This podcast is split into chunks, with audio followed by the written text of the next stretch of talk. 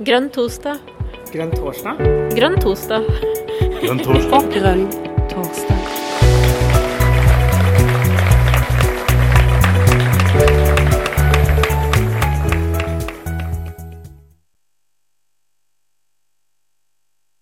Velkommen til Grønn torsdag. I dag har vi satt i gang eh, høstsesongen, og målet er jo da selvsagt å ha hver uke. Men det får vi se. Vi har, det, er, det er frivillig, men vi satser på det. Vi har eh, Karina er for, eh, forhindra fra å delta i dag, men da har vi fått med oss Jonas.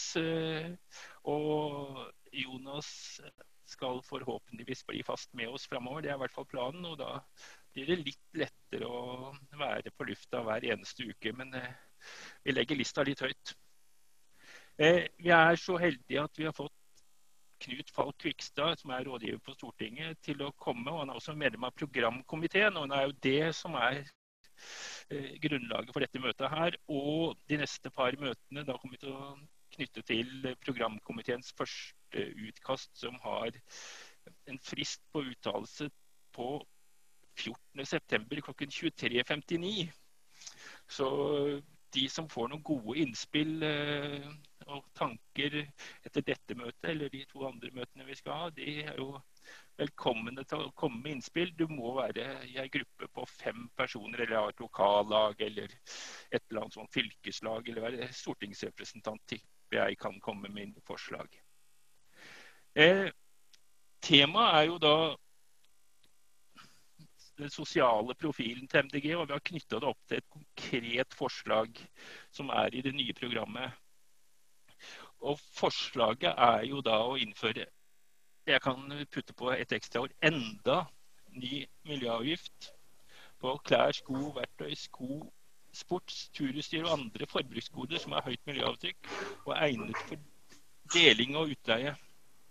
Eh, det er spennende, Knut. Her putter du på enda mer belastning på vår fattige befolkning? Er det det? Jeg kan eh, kjøre, kjøre i gang, jeg. Det er sånn, eh, så vidt jeg forstår, at jeg har skal innlede litt i kanskje 10-15 minutter om sånn overordnet, og så bare tar vi diskusjonen og spørsmål og sånn etterpå. Er det riktig forstått? Ja, det er greit. Ja. Og bruker du litt lengre tid, så har du mulighet til det. Du er sikkert på noe. Ja. ja, nei, jeg skal prøve å å si litt om rammene for MDGs økonomiske politikk. For det er, det er eh, en bra ting å diskutere sånne forslag som dette, eh, enkeltpunkter, i lys av, eh, resten av programmet. Um, men jeg syns jo det er et veldig godt initiativ å diskutere nettopp det punktet. For det er nok et sted hvor det dilemmaet som MDG er i, i mellom miljøpolitikken og sosialpolitikken, det settes litt på spissen av det punktet. Um, fordi det er formulert på en så tydelig måte og nevner mange konkrete ting. Så det er en god debatt, og det er også litt uenighet i programkomiteen om dette er en lur idé. Så, så, det er et godt initiativ. Så kan jeg bare understreke det Jon sa om at jeg, det jeg sier her, det er som representant i programkomiteen. Det at jeg eh, har en, en jobb for UNE, det, det, er ikke så relevant uh, for det. Jeg vet ikke hva UNE mener om dette punktet engang. Uh, men som programkomitémedlem så har jeg gått inn for dette punktet her. Og det jeg mener er en, er en lur idé. Um, jeg skal starte med å si litt om de prinsippene for De grønnes økonomiske politikk som jeg syns skal uh, gjelde uh, for, uh, for den, de programmene vi lager. Og Det er jo et helt overordnet grunnleggende prinsipp, og det er at vi må lage en økonomi som fungerer innenfor rammen av naturens tålegrenser eh, på globalt nivå. Som de fleste av dere kanskje fikk med dere, så var det eh, den såkalte den dagen hvor jorden, eh, altså Earth Overshoot Day, den dagen hvor jorden har brukt opp, eller menneskeheten har brukt opp alle de ressursene vi egentlig kan bruke i løpet av 2020, det var nå 22. august. Da hadde vi brukt opp eh, det kloden har kapasitet til å reprodusere. Og resten av året så lever vi egentlig på lånte ressurser. Um, og det er et uh, helt grunnleggende problem som MDG må ta tak i. Uh, og globalt så har vi et forbruk som er ca. 1,6 ganger uh, så um, av det kloden tåler. Eh, I Norge så er det enda mye høyere. Her bruker vi ca. tre ganger mer enn det kloden kan tåle over tid. Og da er det helt, en helt sentral oppgave for De grønne å lage en politikk som løser det problemet. Da må vi tørre å si at forbruket skal ned. Programkomiteen har formulert et mål i programmet om å få det forbruket ned til et rettferdig og bærekraftig nivå innen 2040. Og dette punktet om å få på plass en miljøavgift på en del produkter, det er et av de tydeligste virkemidlene som er foreslått for å faktisk gjennomføre den politikken. Um, for man er nødt til å sørge for at de tingene vi kjøper i butikken, ikke bare reflekterer eh, at prisen på de varene faktisk reflekterer den reelle kostnaden for økologien og for miljøet vårt knyttet til å produsere dem. I dag så kjøper vi produkter som er forferdelig billige, og vi skyver kostnadene over på neste generasjon og folk andre steder i verden. Og da må vi eh, ha miljøavgifter, nye miljøavgifter, høyere avgifter, for å sørge for at eh, miljøskadelig atferd blir dyrere. Og det må være høyt nok til at forbruket går ned. Når det gjelder en del produkter, så har forbruket Så vet vi altså både Ikke minst klær, da. Så bruker vi veldig mye mer enn det vi trenger i Norge i dag. Og da må Det Grønne være det partiet som, eh, som tør å skru opp avgiftene også på det. Så det er grunnargumentasjonen for det punktet. Så kan jeg jo Eh, først som sist legge til at jeg er litt usikker på om sko er det beste eksempelet. Vi har jo nevnt at uh, denne miljøavgiften skal omfatte sko, og begrunnet det med at uh, sko er egnet for deling og utleie. Og det er jeg litt usikker på om er en klok eh, formulering å ha ned sko. Så hvis det er noen som liksom har tenkt å har hengt seg litt opp i det, så kommer jeg til å foreslå å justere det punktet litt i neste runde i programkomiteen. Eh, så det kommer, akkurat det kommer jeg ikke til å forsvare. Det er rett og slett litt sånn eh, liten eh, unøyaktighet, vil jeg si, i programkomiteens utkast. Men, men, sports- og turutstyr, mye klær og mange andre produkter, det er egnet for å falle inn under denne avgiften. Og, men nøyaktig hvilke produkter det er, det trenger man eh, noen som har mer arbeidskapasitet enn programkomiteen til å regne på. Må, MDG må få vedtatt dette punktet her eh, på Stortinget, og så må noen sette seg ned og finne ut hvordan vi skal gjøre det, og så må de legge frem et forslag til hvordan det skal gjøres. Um, men så da har jeg redegjort litt for liksom, hovedargumentasjonen for at vi har dette punktet. Så skal jeg gå litt inn på det sosiale. Og jeg mener at uh, det andre hovedprinsippet i De grønnes økonomiske politikk skal være fordeling. Det handler om fordeling av ressursene på globalt nivå, og det handler om fordeling av ressursene i Norge. Eh, sosial fordeling har alltid vært et, en viktig grunnpilar i grønne partiers politikk. Hvis man leser det første prinsipprogrammet som eh, de tyske grønne laget i 1979, så er den en av fire grunnprinsipper og det skal også være i den økonomiske politikken vår og i programutkastet vårt. Uh, og det mener jeg egentlig at um, det at MDG er et eh, parti som er opptatt av sosial fordeling, det er ikke bare noe vi har lånt fra venstresiden. Det å erkjenne at man må dele på ressursene, er en direkte konsekvens av å erkjenne at klodene er et sted med begrensede naturressurser, som vi må begynne å forholde oss til på en eh, litt mer avansert måte enn å bare bruke alt vi kan fordi vi kan det. Så det er et eh, Jeg mener at fordelingspolitikk er et skikkelig godt grønt prinsipp. Og, men vi er nødt til å erkjenne at eh, for Norges del så betyr det at vi må bruke mindre. Og det betyr at de fleste i Norge må ha et lavere forbruk. Og så er det noen i Norge som faktisk sliter med å få endene til å møtes også i dag, og de skal ikke ha et lavere forbruk. Men øh, det store flertallet i Norge har et økologisk fotavtrykk som er for høyt, og det må, skal vi tørre å påpeke. Um, og vi må ha politikk som reduserer ulikhetene mellom folk, både på tvers av landegrenser og internt i Norge. Um, og det bringer meg litt over til en del sånn konkrete grep som programkomiteen har foreslått for å få til en mer rettferdig fordeling i Norge. Som for den gruppen som har ordentlig lite i det norske samfunnet, de må løftes, de må kompenseres for de høyere miljøavgiftene gjennom politikk som går løs på årsakene til den sosiale urettferdigheten som vi opplever. Vi må ikke gå i den fella som en del på venstresiden gjør, som er å sette all miljøpolitikk på vent omtrent. Droppe alle miljøavgifter, være skeptiske til bompenger, ha slappe forslag til flyseteavgifter.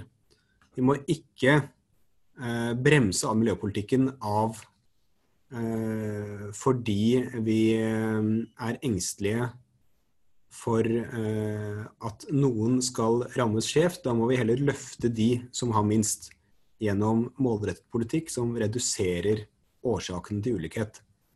Og Da må vi ganske enkelt omfordele penger i samfunnet vårt. Det er ikke så komplisert, men det krever en del politisk vilje. De Grønne foreslår eh, blant annet, og programkomiteen foreslår at vi skal ha lavere skatt på lave inntekter. Folk skal få beholde mer av inntekten sin selv hvis de tjener kanskje vi har ikke satt noe tall, men jeg vil mene at det bør ligge et sted rundt 500 000-600 000, og at de under der bør beholde mer av pengene sine. Enten kom, de pengene kommer fra trygd eller pensjon eller inntekt. Og så foreslår vi har vi altså et punkt om at vi ønsker å gjøre miljøavgiftene progressive eh, der hvor det er mulig. Det vil si at det forbruk som er nødvendig, som folk trenger, det skal man prøver å ikke beskatte så høyt, mens luksusforbruk skal beskattes høyt. Før i tiden hadde Norge et toprissystem på strøm, der en, et moderat strømforbruk ikke hadde så veldig høy elavgift. Eh, jeg tror det var knyttet til elavgiften. Mens hvis man kjørte på med varmekabler i oppkjørselen og boblebad i hagen, så ble det fryktelig dyrt. Og det tenker jeg at er en god modell som vi kan se om vi kan bruke på andre områder også. Um, men det er praktisk uh, litt krevende å gjennomføre. Men uh, det tror jeg man kan få til hvis man virkelig vil det. Um, Programkomiteen går også inn for å innføre en progressiv formuesskatt. Det vil si at man uh, må betale mer formuesskatt hvis man virkelig har mye penger. Men man beholder, vi foreslår egentlig at et litt høyere bunnfradrag enn i dag, sånn at flere vanlige folk slipper slipper formuesskatt. Og vi foreslår å gjeninnføre arveavgiften. Uh, som vil være en uh, Hvis man gjør de to tingene samtidig, og i tillegg øker skattene på høye inntekter og kutter dem på lave inntekter, så begynner det å bli en del effekt. Og dette er bare noen eksempler på hvordan vi ønsker å justere den økonomiske politikken i mer rettferdig retning. Um, så jeg tror det er egentlig hovedrisset. Det er to måter altså Det er flere måter vi må løfte de som har minst på, og som kanskje vil kunne bli rammet av høyere miljøavgifter. Det er også gjennom boligpolitikken. Det foreslås i program, programutkastet, og det jobbes også med i flere av MDGs lokallag, å få på plass, eller begynne å få opp en tredje boligsektor med ikke-kommersielle boliger, hvor man kan få flere boliger tilgjengelig til en litt rimeligere pris enn det man har i dag. Det er virkelig eh, Er det noe som virkelig gjør folk fattige, så er det utgiften til bolig. Eh, det er en av de største eh, produsentene av klasseforskjeller i dag, er boligmarkedet. Så hvis vi kan gjøre noe der, så vil det være veldig viktig. Og en del av de økte inntektene som De grønne foreslår at man skal få inn på statsbudsjettet ved å beskatte de som har mest, litt mer, de kan man bruke på å styrke den typen initiativer som, eh, som eh, f.eks. en tredje boligsektor. Og vi vil eh, i praksis i vår økonomiske politikk bruke det til å styrke kommunebudsjettene, styrke velferdsløsningene ganske sånn bredt. Og så er det en, ganske mange tiltak som nevnes i programmet vårt under ulike kapitler, enten det er skole eller helse eller eh, eldreomsorg. Og på mange andre felt også. Eh, men det er jo en sammenheng mellom å ta ordentlig vare på folk i samfunnet vårt og det å ta inn litt eh, ekstra penger. For det koster penger å ha en velferdsstat som fanger opp de som har minst. Det siste jeg skal nevne, det er å gå litt tilbake til det grunnleggende grønne prinsippet som jeg mener at skal gjennomsyre all politikken vår.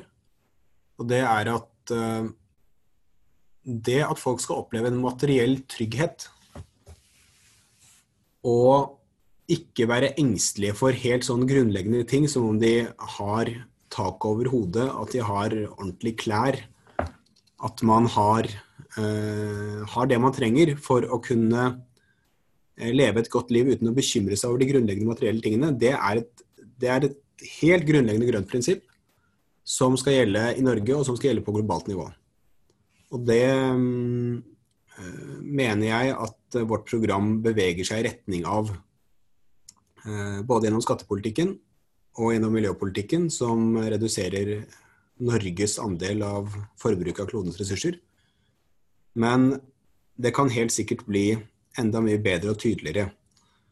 Og I programkomiteen så vil det jo gå debatter om Eller det går debatter i partiet og i programkomiteen om hvor tydelige vi skal være på borgerlønn. Skal vi ha pilotprosjekter, eller skal vi ha eh, Skal vi bare utrede det, hvor, eller skal vi innføre det i neste periode? Så her er det en del andre diskusjoner rundt om større reformer som eh, er veldig interessante. Så jeg tenker at uh, det kan være spennende å komme inn på i diskusjonen. Men nå tror jeg jeg har snakket lenge nok, så nå skal jeg runde av min innledning. Og så svarer jeg gjerne på spørsmål og andre innspill, og lytter til det folk har å si. For eh, nå skal programkomiteen lage et sisteutkast som skal være forhåpentligvis akkurat det partiet vil ha, sånn at vi kan uh, levere det til landsmøtet. Og så sier landsmøtet bare at dette er jo helt perfekt, så vi trenger ikke å gjøre noen endringer. Så da trenger jeg å høre hva dere eh, syns om det utkastet, og hva vi bør endre, sånn at vi kommer eh, veldig nær det partiet ønsker når vi leverer vårt neste utkast i november. Ja, takk for eh, oppmerksomheten så langt.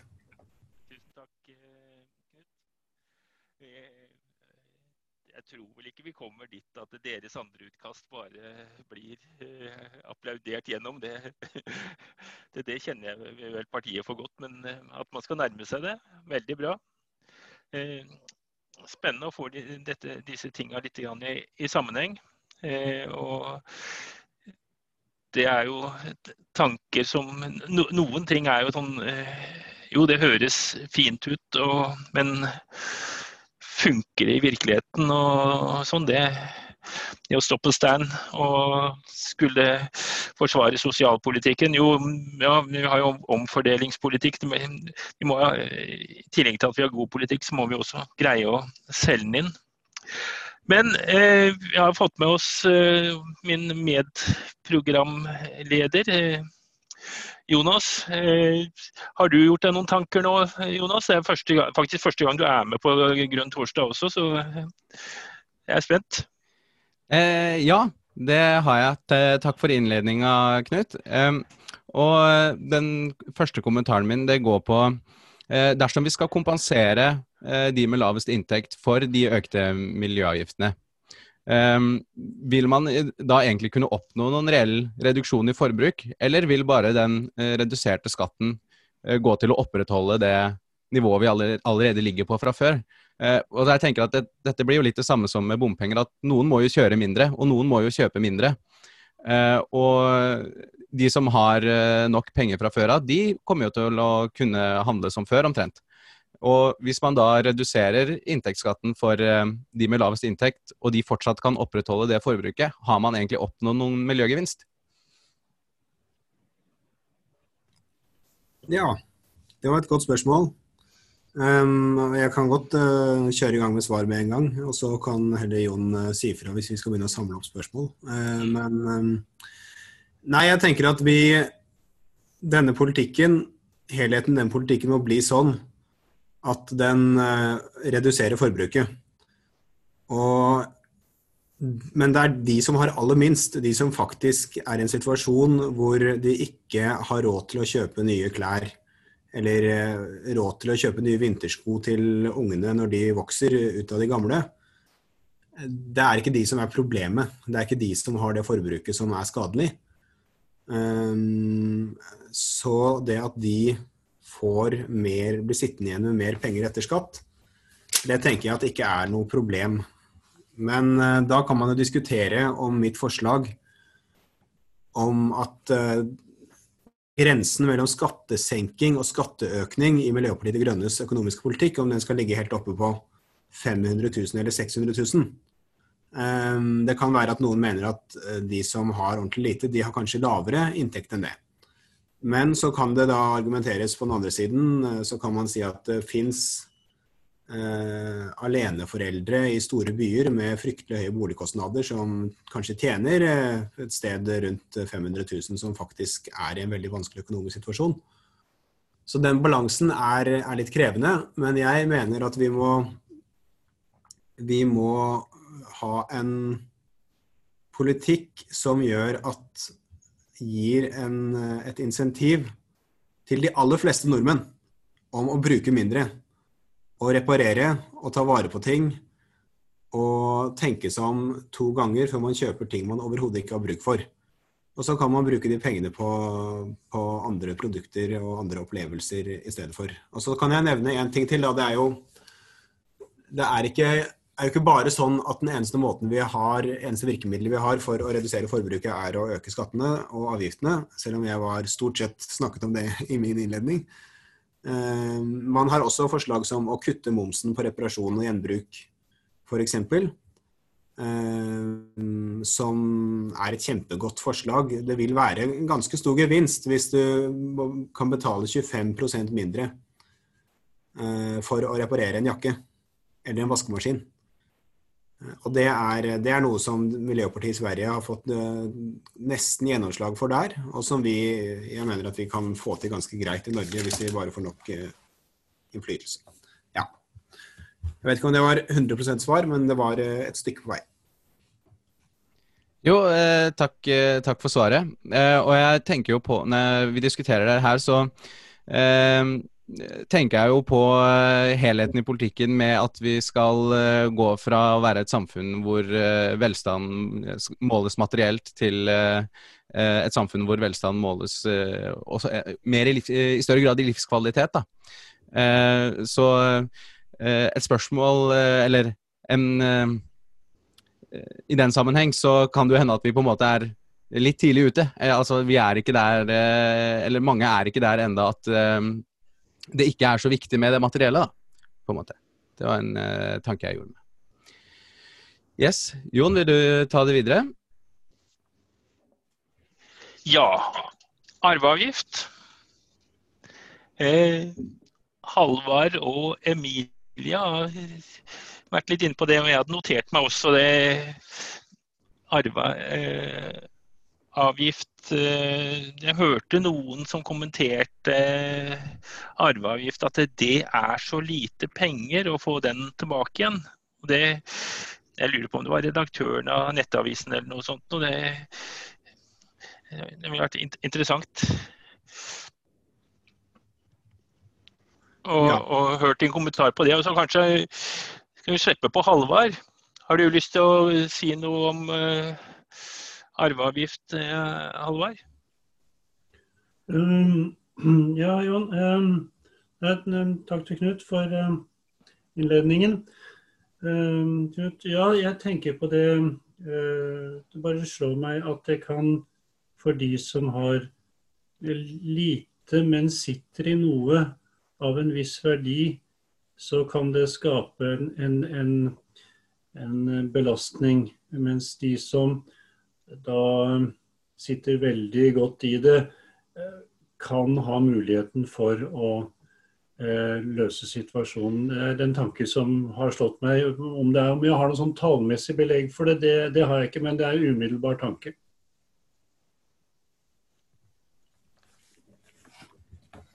Ja. Skal jeg ta og svare, eller skal vi ta flere spørsmål først? Det var det vi hadde akkurat nå, så kom igjen. ja. Mm. Nei, For å ta um, dette med arveavgift først, uh, så er det nok riktig at det er ikke nødvendigvis masse penger som uh, man vil få inn der. Det er nok et par milliarder kroner. Uh, men det spørs jo selvfølgelig helt hvor den arveavgiften settes. Så, så, det er Jeg tenker at det med virkningen på inntektssiden til statsbudsjettet ikke er det viktigste her. Det viktigste er jo prinsippet om uh, man ønsker at arv skal gå videre i full skala til neste generasjon, eller om man bør, bør redusere den, den, virkningen det har på, på at klasseskillet går i arv. Og Det er en diskusjon som er um, Ja, det er en skikkelig sånn prinsipiell og politisk diskusjon. Hvor jeg tror det kommer til å bli en votering på landsmøtet, hvor partiet kommer til å Det er rett og slett nesten et verdispørsmål. Og jeg syns at den, det spørsmålet skal avgjøres om man mener det er riktig eller ikke. At, uh, at, man beskatter arv, enkelt og greit, og ikke av hvor mye penger det betyr på statsbudsjettet. Det betyr noe, men det er ikke MDGs økonomiske politikk kommer aldri til å stå og falle på arveavgiften. Uh, når det gjelder dette, den utfordringen som det skaper hvis man har lav inntekt, men sitter på store verdier, uh, så tenker jeg at Og det gjelder jo både arveavgiften og formuesskatten, egentlig.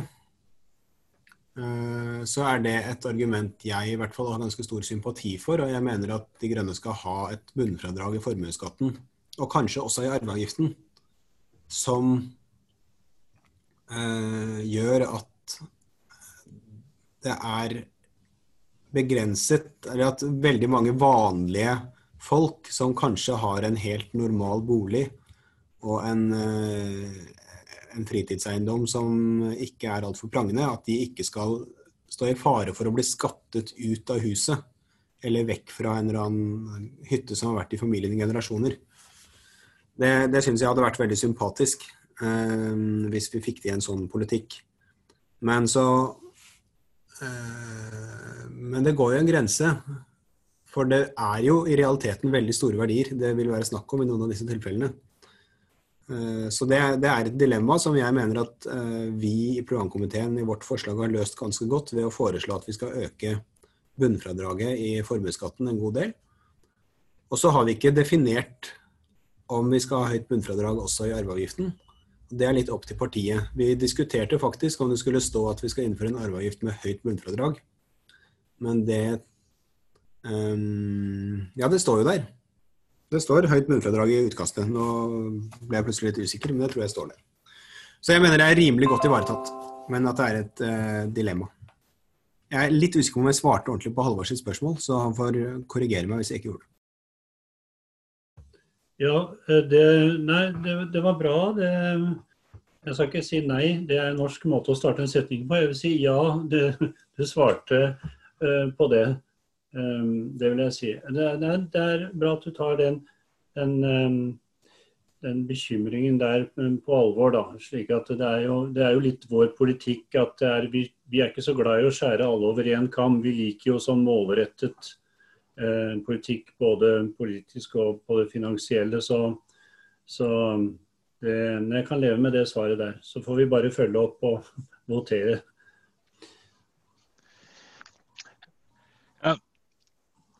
Takk, Alvar, og takk til Knut. Jeg har vel en følelse av at Jonas har lyst til å følge opp den der arveavgifta litt. Så jeg vet ikke, Jonas, har du det? Har du noe greie greier på lur?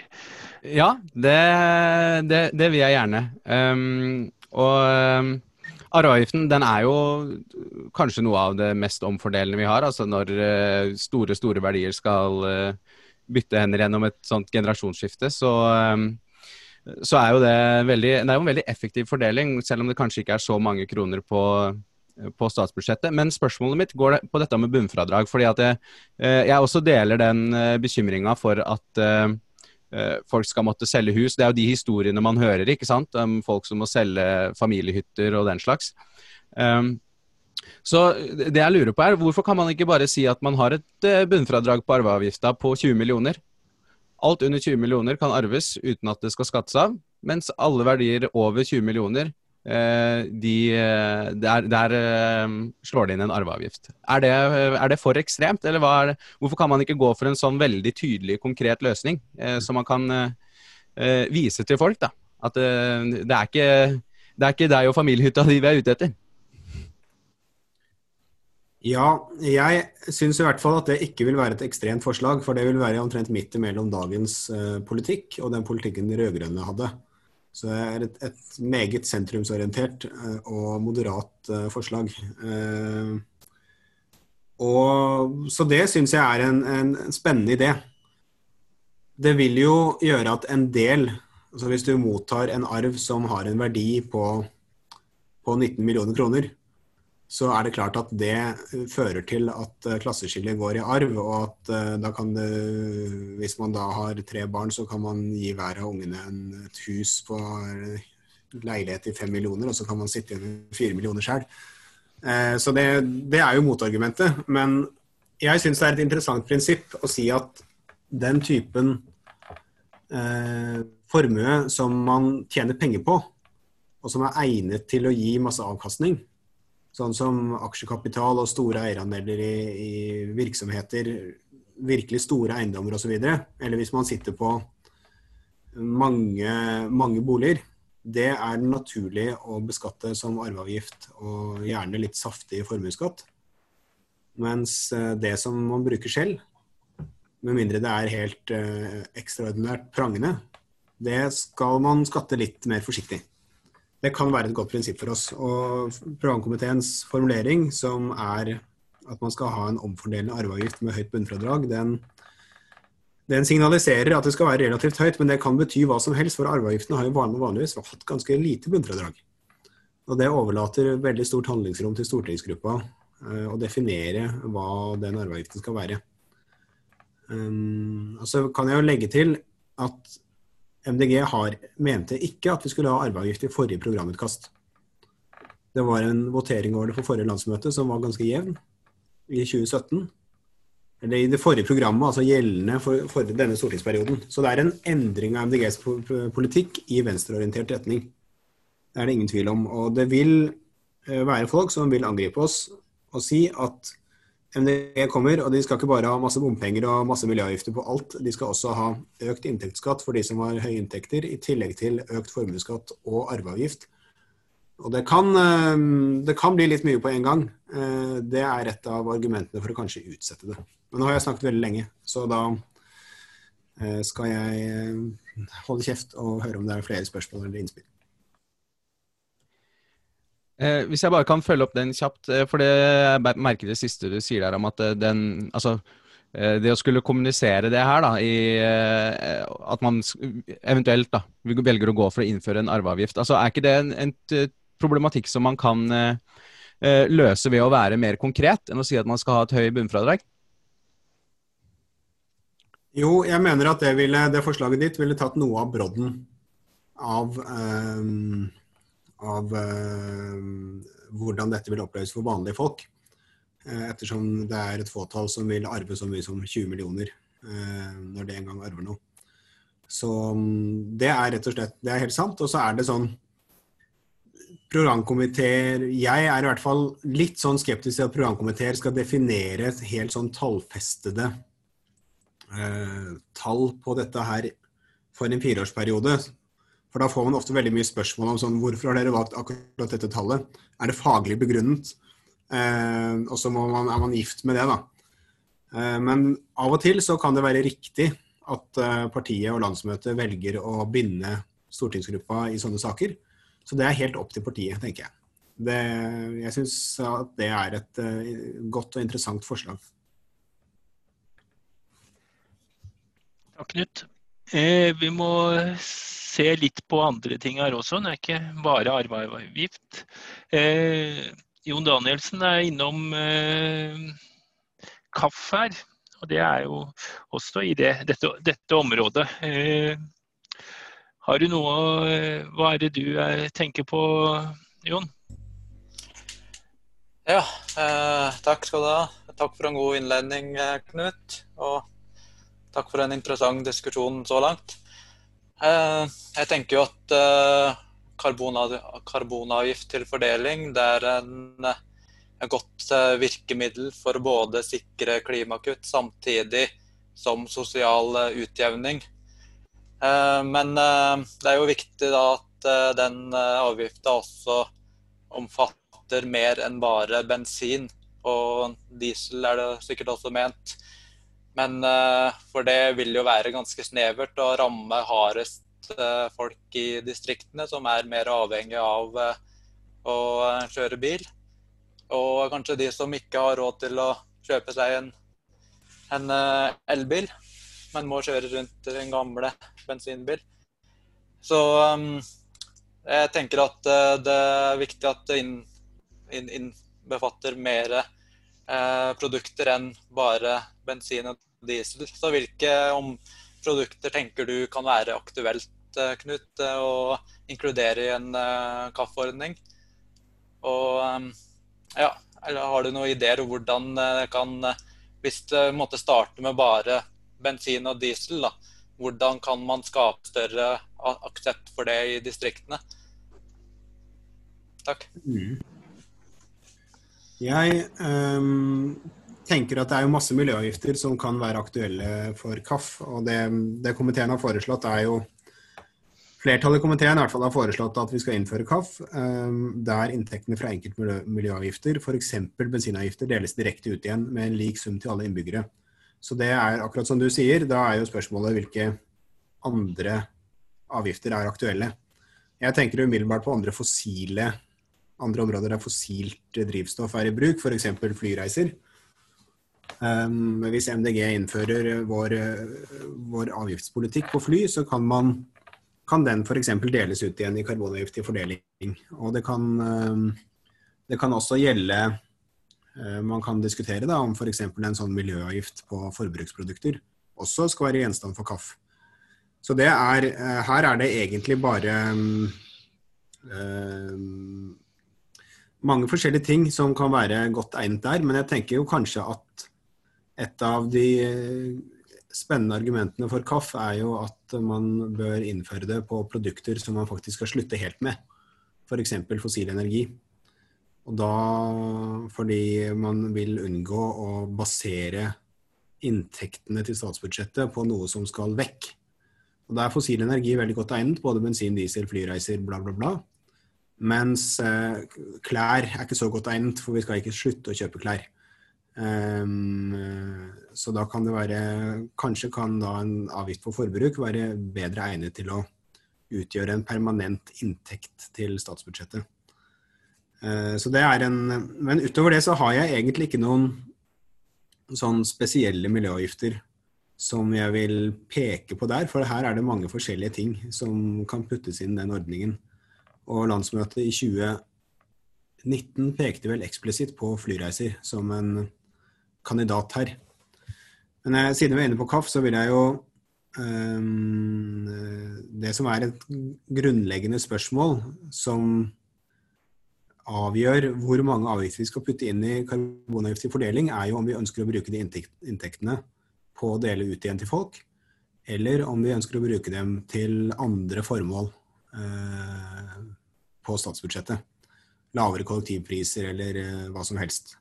Så det vil være balansegangen der. Og så til det siste du spurte om. Hvordan kan vi gjøre det mer spiselig for folk i distriktene? Så har MDGs siste alternative statsbudsjett, som vi la frem i 20, høsten 2019, altså budsjettet for 2020, der foreslo vi å dele ut mer penger til folk som bor i distriktene, enn til folk i byene. En dobbelt sum i hvert fall. Eh, for at man skal unngå at KAF bare blir en sånn overføring av penger til folk som aldri har kjørt bil, og som bor på Grünerløkka, og som aldri kan tenke seg å ta lappen. For det er en fare for det, eh, sånn som den er utformet i dag, med en lik sum til andre innbyggere.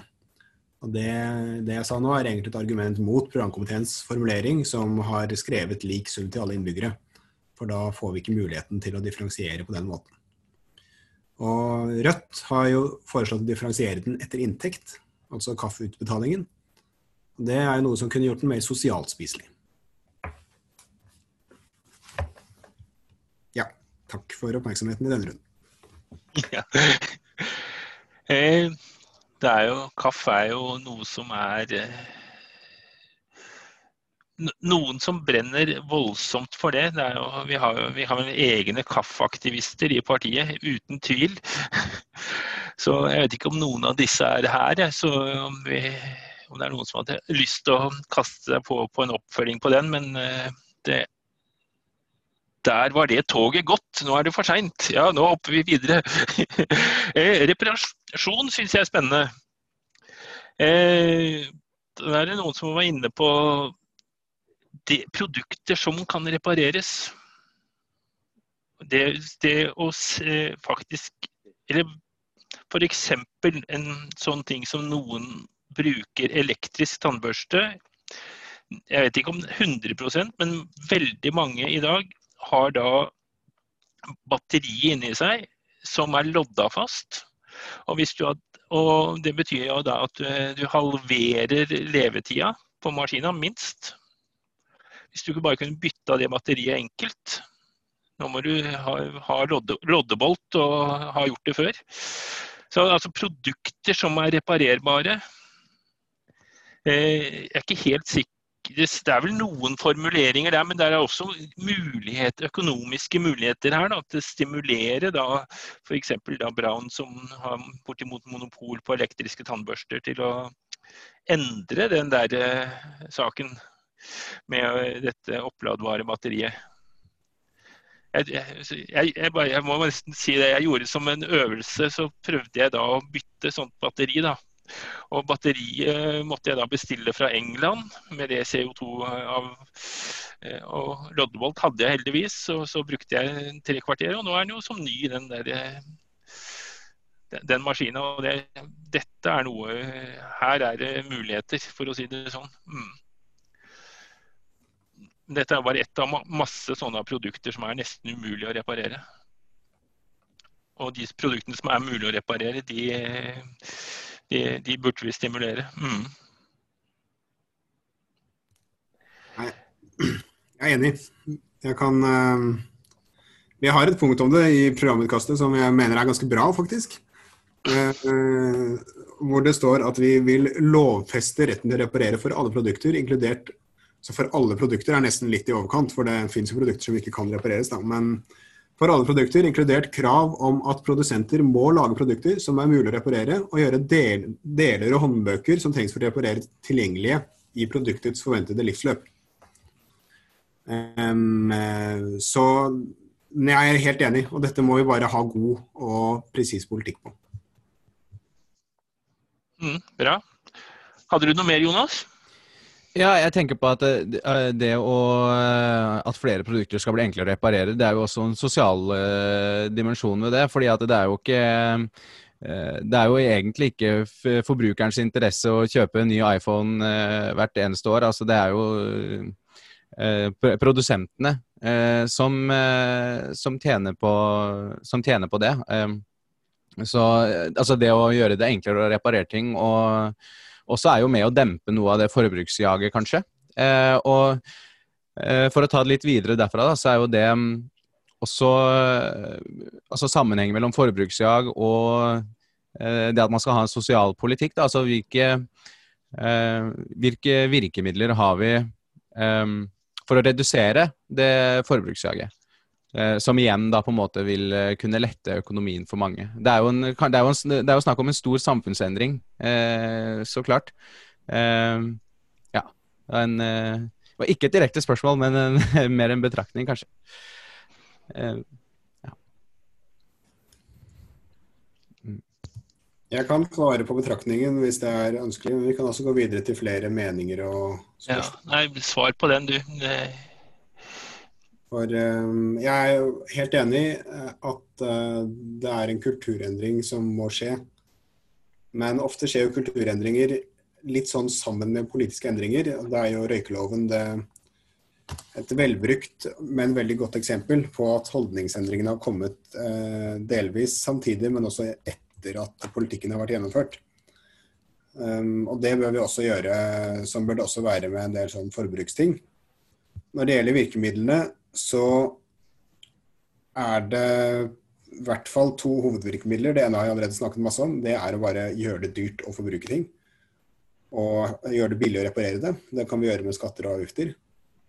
Eh, og vi kan også gjøre det ved å stille kvalitetskrav til ting som gjør at det delvis blir dyrere å produsere og delvis varer lenger.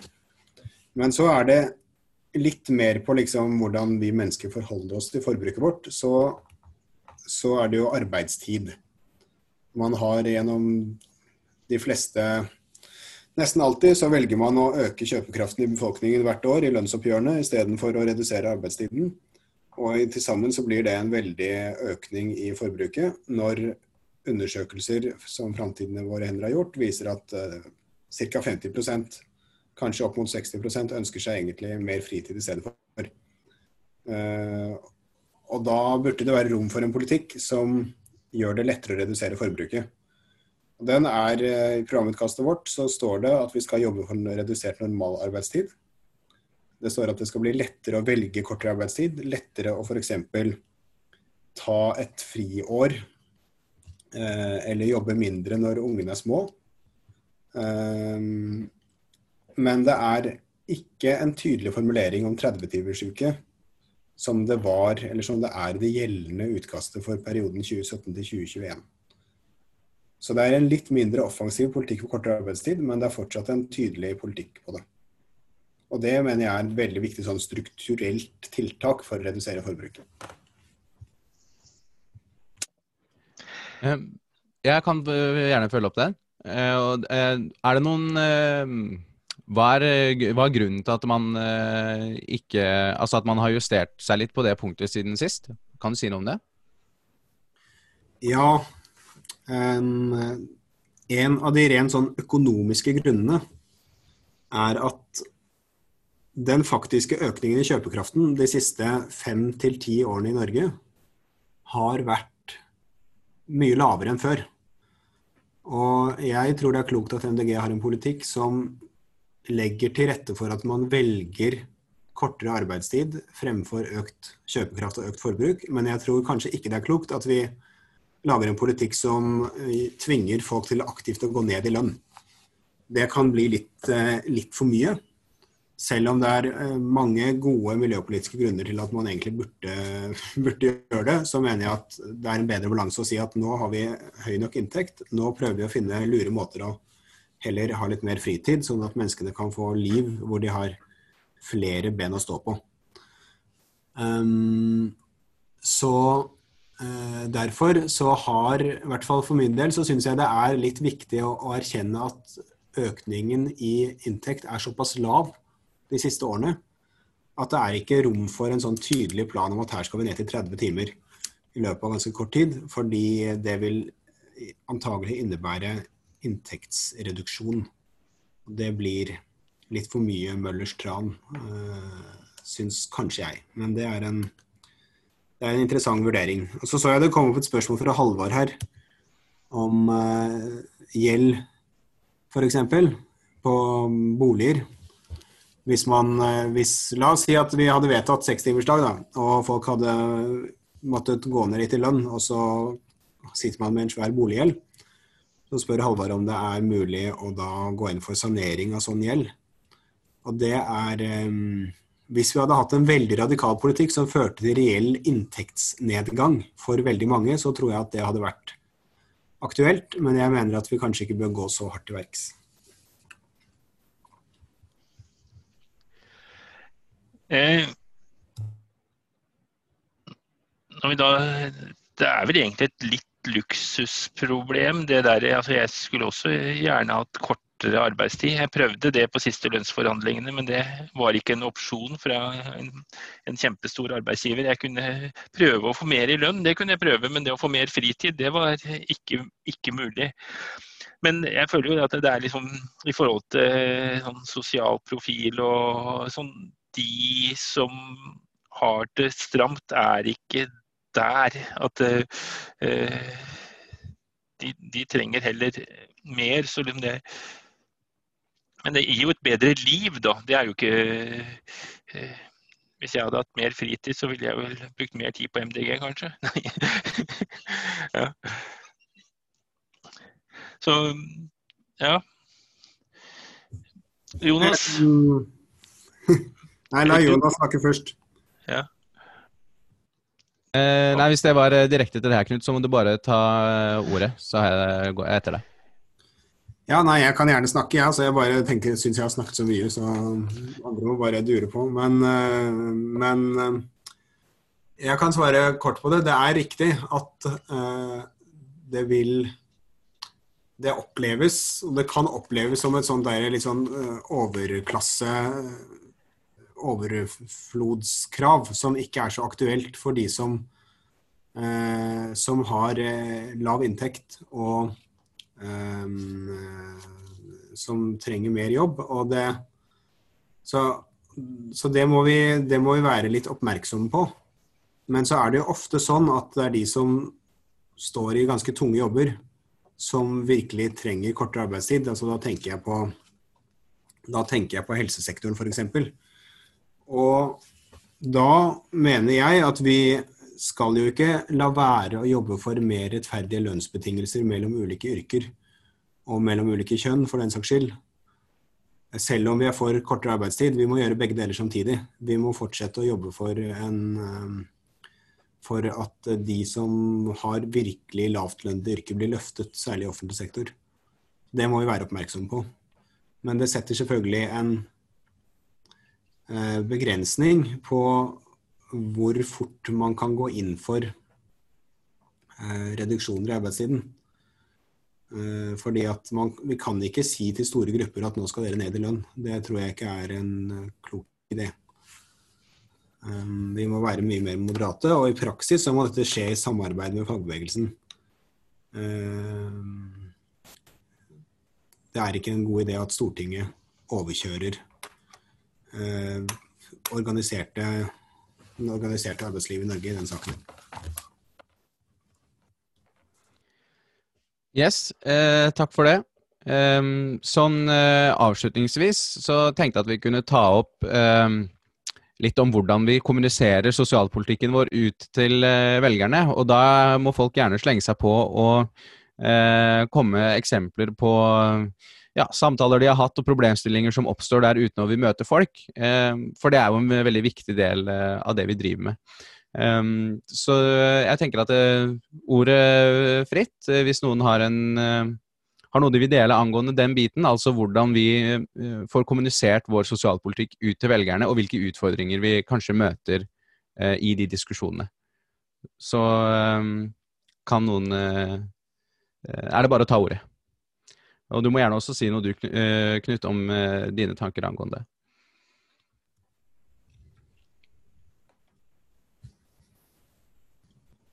Kom igjen du, Knut, først. Mm. Ja, når jeg avventer andre innspill på hvordan det funker her i dag. Men nei, altså Opp gjennom årene så har De Grønne hatt en utfordring når det gjelder å få frem sosialpolitikken vår. fordi at de mest synlige og tabloide sakene våre handler om at vi vil gjøre ting ofte om at vi vil gjøre ting dyrere. Og det, det, er veldig lett å se for seg hva som er konsekvensen av det. Mens det at vi ønsker å ha litt skattekutt til de som har lave inntekter, det at vi ønsker økt sosialstønad, det at vi ønsker høyere minstepensjon um, og sterkere kommuneøkonomi og bedre velferdstilbud, det er det er ikke noe vi klarer å spissformulere på en måte som gjør at folk får det med seg. Så den grunnleggende troverdigheten i sosialpolitikken har ikke De Grønne klart å opparbeide seg ordentlig. Jeg mener at vi har kommet kanskje noen steg fremover de siste årene. Men eh, vi har fortsatt veldig langt igjen å gå. Og, så jeg eh, Vi kommer nok til å både programkomiteen og, og, hele MDGs eh, Jeg oppfatter det sånn at hele MDGs ledelse er ganske sånn oppmerksom på at det er et problem, fordi at veldig mange av velgerne våre er opptatt av at vi skal ha eh, en solidarisk politikk med omsorg for de som sliter. Um, og det må vi levere på. Så, så, vi kommer til å være oppmerksomme på det i kommunikasjonen vår.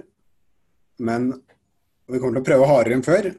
Men det er ikke sikkert at De Grønne kommer til å klare å få den troverdigheten som jeg mener at det egentlig fortjener på omfordeling og sosialpolitikk, før vi har flere på Stortinget og mennesker i eh, arbeids- og sosialkomiteen, eh, folk i finanskomiteen som kan prioritere det arbeidet og vise frem den siden av De Grønne. Man trenger heltidspolitikere som har kapasitet til å være på de store nasjonale arenaene for å bli gode nok, og vi trenger mange av dem.